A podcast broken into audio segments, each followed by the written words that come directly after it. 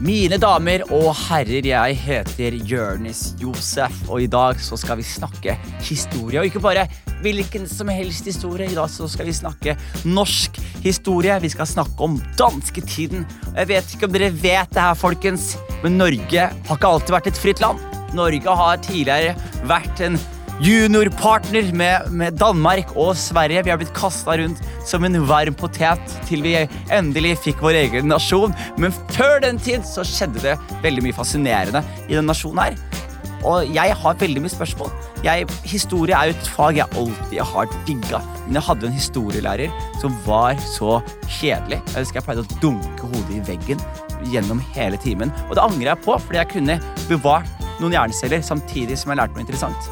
Så i dag har jeg fått muligheten til å børste støv av disse kunnskapene her. Jeg sitter med professor Finn Erhard Johannessen i historie, som virkelig kan sakene hans når det kommer til norsk historie. Og da snakker vi om Norges forhold til Danmark, Norges forhold til Sverige, hva slags konge vi hadde, hva slags folk det var i Norge på den tid, og rett og slett hva slags nasjon vi var, og hva slags nasjon vi skulle bli. Så i dag skal vi snakke dansketiden med Finn Erhard Johannessen, og du hører på Hva vet jeg med Jørnis Josef. Velkommen, Finn Erhard Johannessen. Takk. Nå skal vi snakke om dansketiden. Jeg er veldig nysgjerrig på dansketiden. Kan jeg spørre deg først og fremst, hva er dansketiden? Ja, det er den tiden da Norge var i union eh, og stort sett juniorpartner med Danmark. Så det begynner vel 1380, er det vanlig å si, og til 1814. Juniorpartner betyr Ja, at vi var eh, den eh, underordnede parten. Ikke sant. Så de var på en måte våre overherrer, da. Ja, spesielt etter eh, etter reformasjonen, etter 1596, Mm. for inntil da hadde vi hatt en del politisk eh, selvstyre eh, i Norge, og det ble avskaffet i forbindelse med reformasjonen. Erkebiskopen eh, forsvinner, og han var den politiske lederen i Norge også. Vi ble bare sendt rundt som en sånn varm potet mellom Sverige og Danmark. vi. Eh, ja, det var vel kanskje litt sleivete sagt, og vi ble vel ikke sendt så mye rundt, men eh, vi, vi kom i union med, med Sverige i 1814, det, men det var på, helt annerledes, for da har vi en grunnlov, og da er vi, har vi en mye sterkere stilling. Ok. Ja. Eh, men før danskene på en måte var eh, Før dansketiden, hadde Norge en nasjonal identitet, på en måte? Ja, det er litt omstridt hvor mye man får følelse som norsk, men Norge var et eget rike, kan vi i hvert fall fastslå. Det var jo Norge som, eh, som på 1200-tallet var jo Norge en stormakt og hadde masse øyer ute i Atlanterhavet. Og... Stormakt? Stormakt, ja. Norge? Norge, ja. ja. Norge var vel Det var storhetstiden i Norge. Hadde vi øyer og sånn? Uten- Ja, disse øyene som eh, nå er Danmark, eh, Grønland, Orknøyene og Færøyene, og dette var norgesveldet. Island hørte jo også til Norge da. Okay. Så dette var storhetstiden for Norge. Det hørtes veldig, Når du sier de øyene som tilhørte Norge, så Danmark har vi eid Ikke eid, men har det vært en del av norsk kongedømme? Ja, det forsvant til Danmark da vi ble De fulgte ikke med i 1814, de glemte det eller noe sånt, sånn at da ble Norge overlatt til Sverige, men danskene beholdt alle øyene ute i Grønland og Færøyene og, og Island. Så hvordan går vi fra å være der da, til å plutselig bli en juniorpartner til Danmark?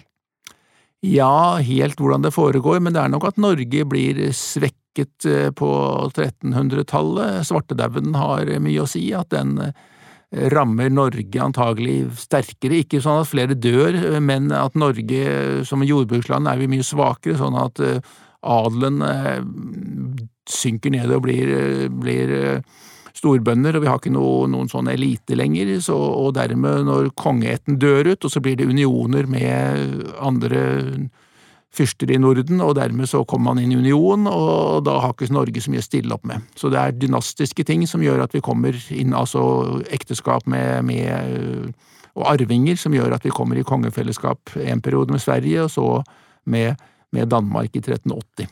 Hva var fordelen ved å være juniorpartner med Danmark? Eh, Fordelen var jo at, eh, at vi hadde kanskje ikke ressurser og personal og, og folk med prestisje til å styre landet, så er det andre som overtar det. Altså Foreldrene mine de er jo fra, fra Somalia, så de har jo på mange måter følt eh, imperialismens vrede gjennom italienerne og engelskmennene og franskmennene. Og I Somalia så hadde vi jo italienerne der, og de, på en måte, vi var en koloni. Eh, men til gjengjeld så fikk vi pasta. Å lage mye pasta. Eh, det er en av de fordelene vi sitter igjen med. Eh, etter veldig veldig mange ulemper. da. Eh, hva vil, vil du si at Norge på lik linje var en koloni for, for Danmark? At de kunne plyndre på råvarer og ressurser? og... Nei, jeg tror det nok det var litt annerledes. Det er også sånn at en elite fra Tyskland og Danmark, de, de, etablerer seg og blir mer nasjonale. De drar ikke tilbake til, til, til, som til Italia og, og, bare er her en stund og plyndrer. De, de, de, slår seg til ro her og blir en mer, en mer nasjonal elite, kan vi si. Sånn at som, så de blir mer som bidrar ganske mye til 1814, altså løsrivelse da, så, så, Men eh, veldig mye av norske statsinntektene de går til Danmark, så på den måten kan man snakke om en form ja, for plyndring. Halvparten av statsinntektene på 1700-tallet de, de, forsvinner til Danmark. Og var disse på en måte eh, vanskeligstilte, relativt fattige nordmennene, var de undertrykt, danskene? Var de en under, var underdanige danskene?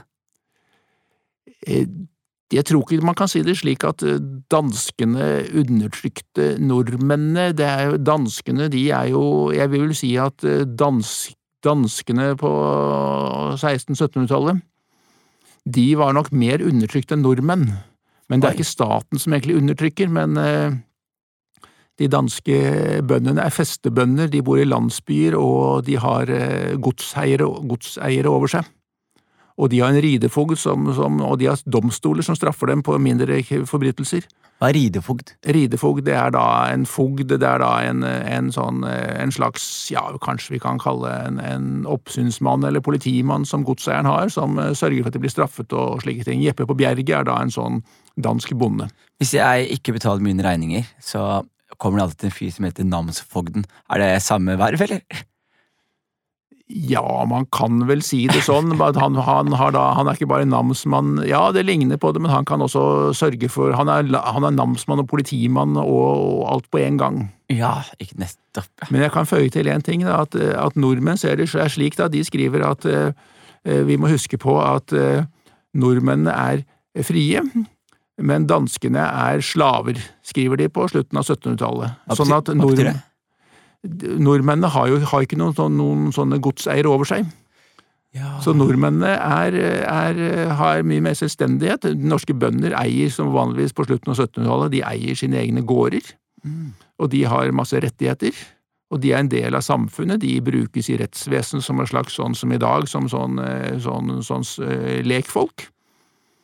Så på den måten er da danskene egentlig mye mer undertrykt, så, men det er ikke så mye under er staten har ikke så mye å si, men det er under da disse godseierne. Danmark består av 700 gods, og det fins ikke i Norge. Her er, er det jevnere forhold, mer likt.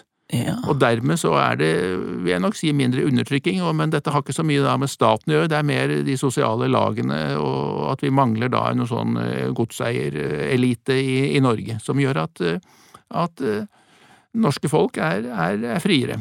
Så hva stoppet da den gjennomsnittlige dansken fra å bare ta båten sin over til Norge og slå seg ned her? Det, blant annet var det noe som het stavnsbånd, som ble innført i Danmark i 1730. Alle unge menn de må, eh, kan ikke forlate det, det godset de er på, for da hensyn til militærtjeneste. Så de er, det er det også grunnen til at de er sagt som slaver. De er bundet til sitt gods. Ja, stansmann, hva betyr det? Stavnsbånd. Stansbånd? Stavnsbånd. De får da innført at de at de må kan ikke flykte fra det godset de bor på, hvor de har landsby og har lite gård, men der er de da det er ikke lov å, å, å, å dra til andre deler av Danmark eller til, til Norge, for eksempel. Hvordan klarer de å på en måte ikke få opptøyer på bakgrunnen der, når de ser disse nordmennene som lever så fritt, og de får ikke lov til å forlate bygda si engang? Hva er det som stopper den gjennomsnittlige dansken fra å Jeg tror vel for så vidt at de ikke var klar over at, eh, at, forholdene var så forskjellige i Norge, og dessuten så kunne de jo ikke bare komme til Norge, de hadde jo ikke noe gård i Norge, og på 1600-1700-tallet var det vanskelig å få en gård her, så det var, det var ikke noe sånn å gjøre seg til flyktning som i dag for å komme her med mye bedre forhold i Norge, det var, det var, ikke aktuelt, eh, det var ikke praktisk mulig, og formelt så var det altså ikke lov å forlate godset. De kunne nok rømt og sånne ting, men jeg har ikke hørt om De rømmer ikke til Norge og, og sånne ting. Da må de greie seg selv, det er ikke noe trygder og sånne ting man får, og man må da prøve å få seg en husmannsplass og sånne ting, som er veldig vrient. Så, så mm. Så staten er eh, fattig og betaler ikke ut noe som helst. Sånn at eh, det er en interessant problemsammenligning. Men eh, de som kommer, det er da mer eliten. som ser de store mulighetene i Norge. For i Norge har vi trelast, vi har malm, metaller, kan starte bergverk. Så det er mange som under 30-årskrigen i Tyskland, og som også herjer så vidt i Danmark, som kommer til Norge. Så det er eliteinnvandring til Norge. Og disse elitene de blir viktige og blir en slags sånn viktig i utviklingen av, av, Norge. Og som sagt, når vi kommer til 1814, så er denne eliten som er både embetsmenn, men også borgere som da har kjøpmenn som har slått seg ned i Norge for, å se, for de ser mulighetene, og de kan bevege seg. Kult. Veldig kult. Så det var, ok, så det, Men hva, hvordan var det da de danskene, de fikk, siden de var så lukket og isolerte i de områdene sine, hvordan var det de så på nordmenn, og hvordan var det nordmenn så på dansker? Sånn helt gjennomsnittlige folk? Ja, de vanlige folk har vel ikke så veldig mye, men, eh, men de, er vel av, og de ser vel antagelig i Danmark, eh, de litt mer lærde folk, de ser vel av og til på Norge som, og nordmenn som litt, litt ville og udisiplinerte og litt sånn norske aper og sånne ting, at de, at de var fjell og, og, litt ukultivert, har jeg nok følelsen av. Men eh, hvordan var det norske språk hvis du fjernet Danmark fra mattestykket? Ja, Mener du at vi skal tenke oss at det ikke var i Danmark nå, eller? Ja, eller sånn pre-union, da. Var det et eget språk da, eller er Eller hvor på en måte Hadde vi et eget språk? Hadde vi en egen identitet før Danmark? Om vi hadde en identitet som nordmenn er litt usikkert, men vi hadde jo et eh, språk. Man snakket jo, og vi har jo et gammelnorsk språk, Snorres kongesagaer, de er jo skrevet på gammelnorsk. Islandsk er ikke det nesten? Islandsk er, ble dette gammelnorsk omtrent bevart, så vi var omtrent islandsk som var det gammelnorske språket, skriftspråket. Nei. Men det fortsatte da ikke, og etter reformasjonen så ble skriftspråket dansk. Mm. Så vi, pra, så vi har prat vi, vi, skri, vi, har jo et veldig dansk Jeg kan lese dansk. Jeg kan, hvis jeg skriver en setning, så kan sikkert danskene forstå det. Men jeg forstår jo ikke en drit av hva de sier. Altså det, jeg tror aldri jeg har skjønt en dansk setning i, i, mitt liv. Hvordan har det seg sånn at det, språket er så annerledes muntlig når det er så likt skriftlig? Er det noen grunn til det? Eh, de norske dialektene var nok også veldig vanskelig for danske embetsmenn i Norge å skjønne. Mm. For det at eh, dialektene var jo veldig forskjellige, og, og skriftspråket må jo nesten bli annerledes, for det, det må jo være noe som, eh, som kan brukes av alle sammen. Ja. Og dermed så blir skriftspråket forskjellig fra, fra dialektene. Men eh, så kom jo dette med Ivar Aasen på 1800-tallet og snakk om å lage et skriftspråk som ligger nærme dialekten, og det er på nynorsk. Ja, ikke sant. Det er der det Ja, jeg var i, jeg var i Sogn og Fjordane i sommer.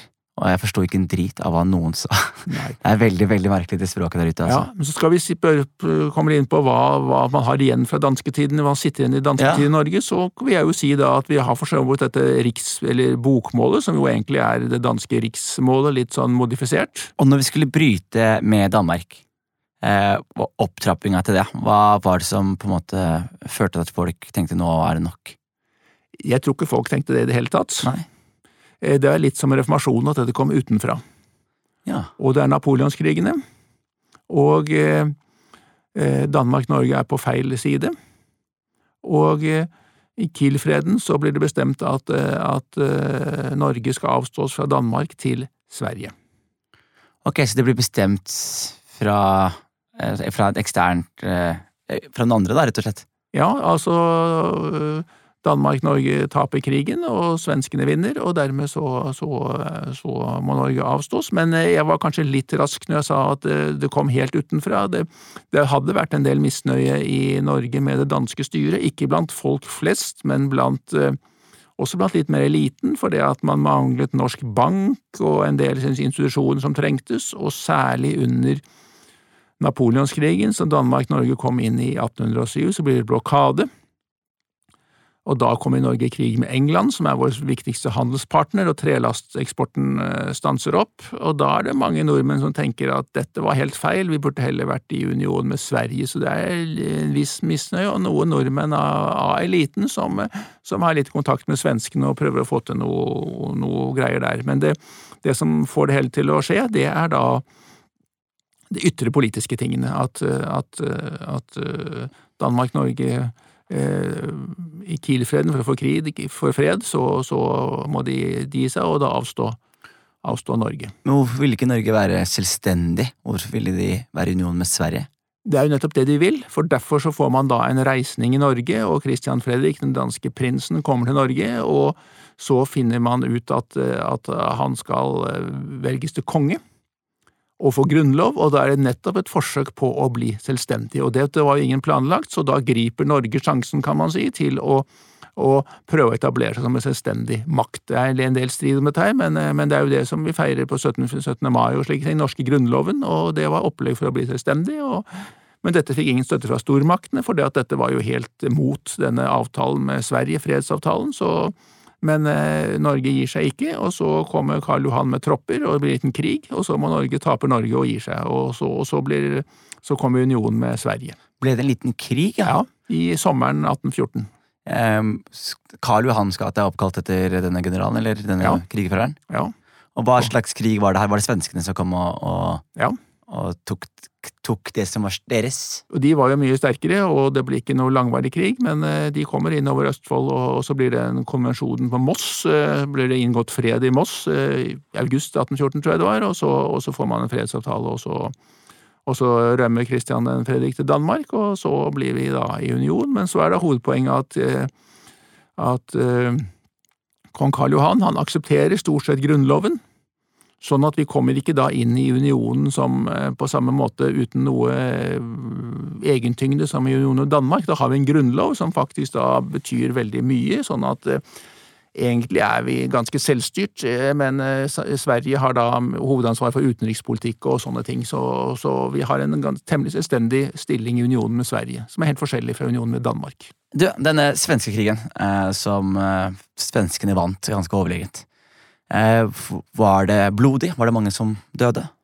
Nei, jeg husker ikke hvor mange, men det var, det var eh, nordmennene hadde ikke mye å stille opp med, så det, så, så det var ganske fort overstått. Eh, det foregikk ikke noe i Østfold, og det var ikke mange som ble drept, tror jeg. Man skjønte at der var det ikke så mye å stille opp med, og kom til denne konvensjonen i Moss ganske fort. Når du sier vi hadde ikke så mye å stille opp med, var det opprettet et eh, selvmordsoppdrag da, for disse norske soldatene som skulle kjempe for vår nasjonale sikkerhet? Ja, Karl Johan var jo en hærfører som hadde gjort en svær innsats for å bekjempe Napoleon, så, så han var jo, eh, var jo, en general og, og, hadde svære tropper, sånn at eh, jeg tror nok man kan nesten si det sånn, ja. Så for å oppsummere dansketiden, eh, slik jeg har forstått nå, så er det slik at vi er veldig svekket etter blant annet svartedauden, og vi er en vi har ikke noe sterk adel, vi har ikke noe sterke embetsmenn, slik at det blir naturlig for denne sterke danske adelen og på en måte ta og gjøre claim på, på Norge, slik at vi blant annet skatter 50% av vårt nasjonalbudsjett til, til danskene. Eh, vi er eh, jeg må tenke på, jo, det, og det som skjer, er at vi blant annet deler skriftspråk. Eh, vi har det veldig separert. I Norge så har de det mye friere, mens danskene er isolerte i disse eh, Hva kalte vi disse de gårds... Gods, godsene, godsene, ja. Med en godsherre over seg, som ja.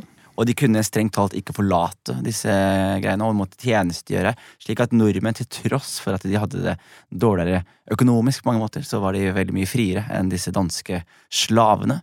Eh, nordmenn begynner å Det begynner å bli populært, ikke populært, men veldig mange adler og embetsmenn ser forretningsmuligheter i norsk skog og i norske mineraler flytter over hit, og i den prosessen her så bygger vi en sterkere adel. Vi får en sterkere eh, statlig organisasjon, eller ikke statlig organ, men Sterkere økonomi, sterkere økonomi. ikke adel, sterkere økonomi, også norsk fisk og mange eksportvarer, trelast og sånne ting. Så, trelast, ikke minst. Jeg er fra ja. Skien, vet du. Vi er jo ja. trelasteksportørene.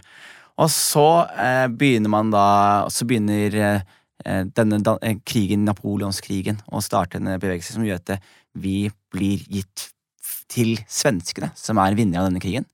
Eh, så danske, vi er ikke lenger nå under Danmark, vi blir gitt til Sverige. Eh, og i 1814 er det da den perioden hvor vi da skriver vår egen grunnlov. 17. Eh, mai på Eidsvoll skriver vår egen grunnlov, også med veldig hjelp av den nye adelen som har kommet til Norge, og, og disse, disse, nye, sterke økonomiske kreftene vi har fått. Men vi er nå underlagt Sverige, men vi får en fisker etter en dansk konge som må flykte tilbake til Danmark fordi Jeg glemte det. Hvorfor flykter han? Ja, for det at eh, forsøket på å bli selvstendig det blir slått ned. Karl Johan kommer med militærmakt Yes. og slår oss, og, og, og Christian Fredrik må eh, stikke tilbake til Danmark med halen mellom beina, kan man kanskje legge til. Ok, Da vil jeg bare si heia Norge, og tusen takk til deg, Fine Erhard Johannessen.